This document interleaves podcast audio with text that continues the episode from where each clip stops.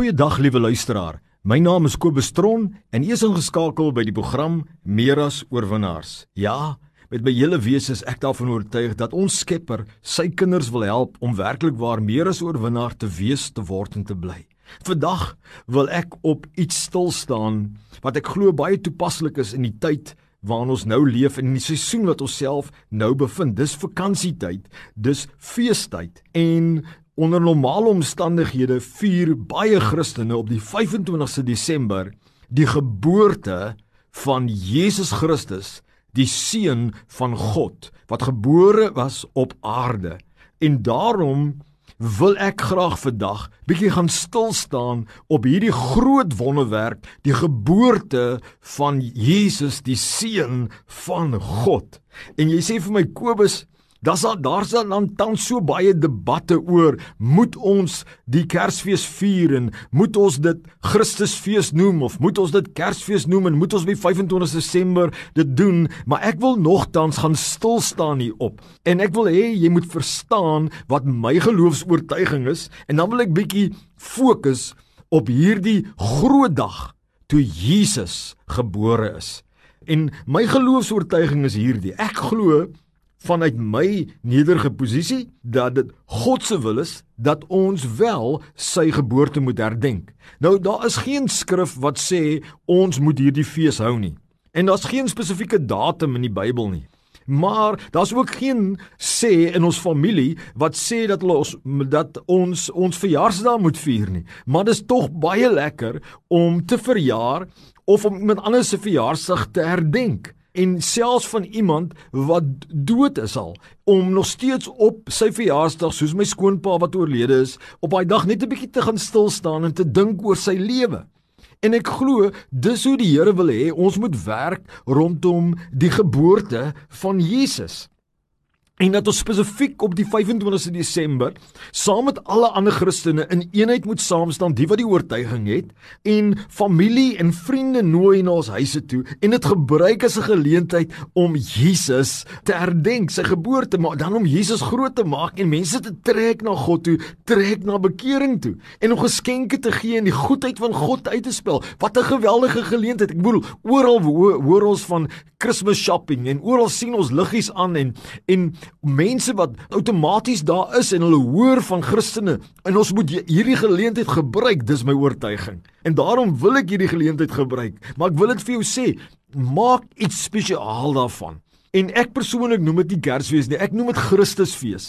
Reg en ek het 'n boom en ek deel geskenke uit aan my familie en ek ek laat ons voor en ons lees skrifte oor Jesus Christus se geboorte en die rede vir Jesus se geboorte en ons worship en aanbid die Here. Dis net lekker en ons bid vir mekaar en ons trek ander vriende en familie in en raak hulle met die liefde van God. Dis my bemoediging vir jou dat jy dit ook sal doen, maar net soos die Here jou oortuig. Maar kom ons gaan gaan staan stil vandag op die geboorte van Jesus Christus. Mense, 2000 jaar gelede, min of meer plus, het daar 'n groot ding op aarde gebeur.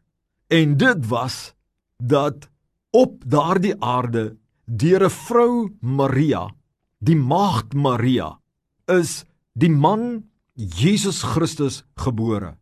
Die man wat die seun van God is en was en wat vlees geword het, wat mens geword het in menslike vorm omdat God 'n verlossingsplan vir die mensdom gehad het.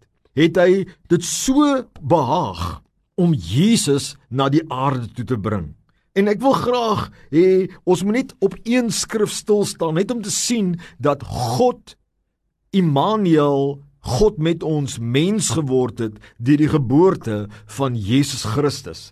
In Jesaja hoofstuk 9, reg vers 5 sê die woord: "Want 'n kind is vir ons gebore. 'n Seun is aan ons gegee, en die heerskappy is op sy skouer, en hy word genoem Wonderbaar, Raadsman, Sterke God, Ewige Vader, Vredevors." Tot vermeerdering van die heerskappy en tot vrede sonder einde op die troon van Dawid en oor sy koninkryk om dit te bevestig en dit te versterk deur reg en deur geregtigheid van nou af tot in ewigheid die ywer van die Here van die leerskare sal dit doen Dit is die woorde van die profeet Jesaja. Man, meer as 4000 jaar gelede het hy geprofeteer dat God sy seun sal skenk en dat sy seun gebore gaan word. Nou dink gou daaraan. Hier, dit was die prosedure of dit was die dinge wat plaasgevind het. Die profete het dit beloof en klomp ander profete het dit voorspel. Dit gaan gebeur. En toe kom die Here en die Here stuur sy engel na Maria. En in Lukas 1 vers 26 tot 38 lees ons hoe die engel in 'n gesig tot Maria verskyn het en hoe Maria bevrug geword het met die saad van God en hoe Maria verwagtend geraak het en met Jesus die kind van God in haar geloop het. Dink aan die wonderwerk wat en die realiteit hiervan. En toe Maria was nog nie getroud nie, soos haar verloofde Josef was baie bekommerd en het gedink Maria het die skoot deur die kop. Dit is nie lekker by haar nie. En toe kom die Here en dis nou my taal, né? En die Here, die Here engel praat in 'n droom of in 'n gesig met Josef in Matteus 1 vers 18 tot 20 as jy dit wil onthou om te mediteer of om te lees vir ander mense. En toe Josef nou berusting daarbey gekry en toe het hulle duidelik volgens daai tyd moes uh, hulle hulle name gaan opgee en toe moes hulle na Bethlehem toe gaan en daar het die plek gekry en toe die enigste plek waar dit kon gebeur het was in 'n stal en Josef en Maria was in 'n stal en daar het hulle geboorte geskenk aan Jesus die seun van God in 'n stal. God het homself verneder en in 'n stal gebore geword. Mense en hoor nou mooi, En nie net het dit daar gebeur nie, maar die bewys dat dit God was wat dit beplan het, het so afgeplaas gevind dat boonbehalwe die profete wat dit beloof het, het engele, die engele leerskare het aangekondig en die herders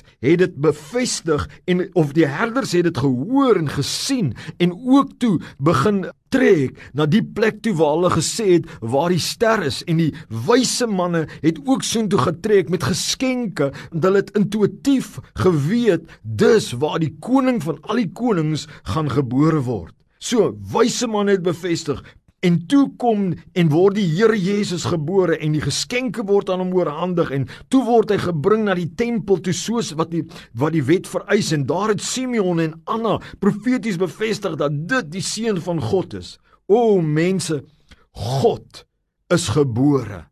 'n Kind is vir ons gegee en ons celebrate die verjaarsdag van Jesus Christus. Hy's gebore. Hoekom?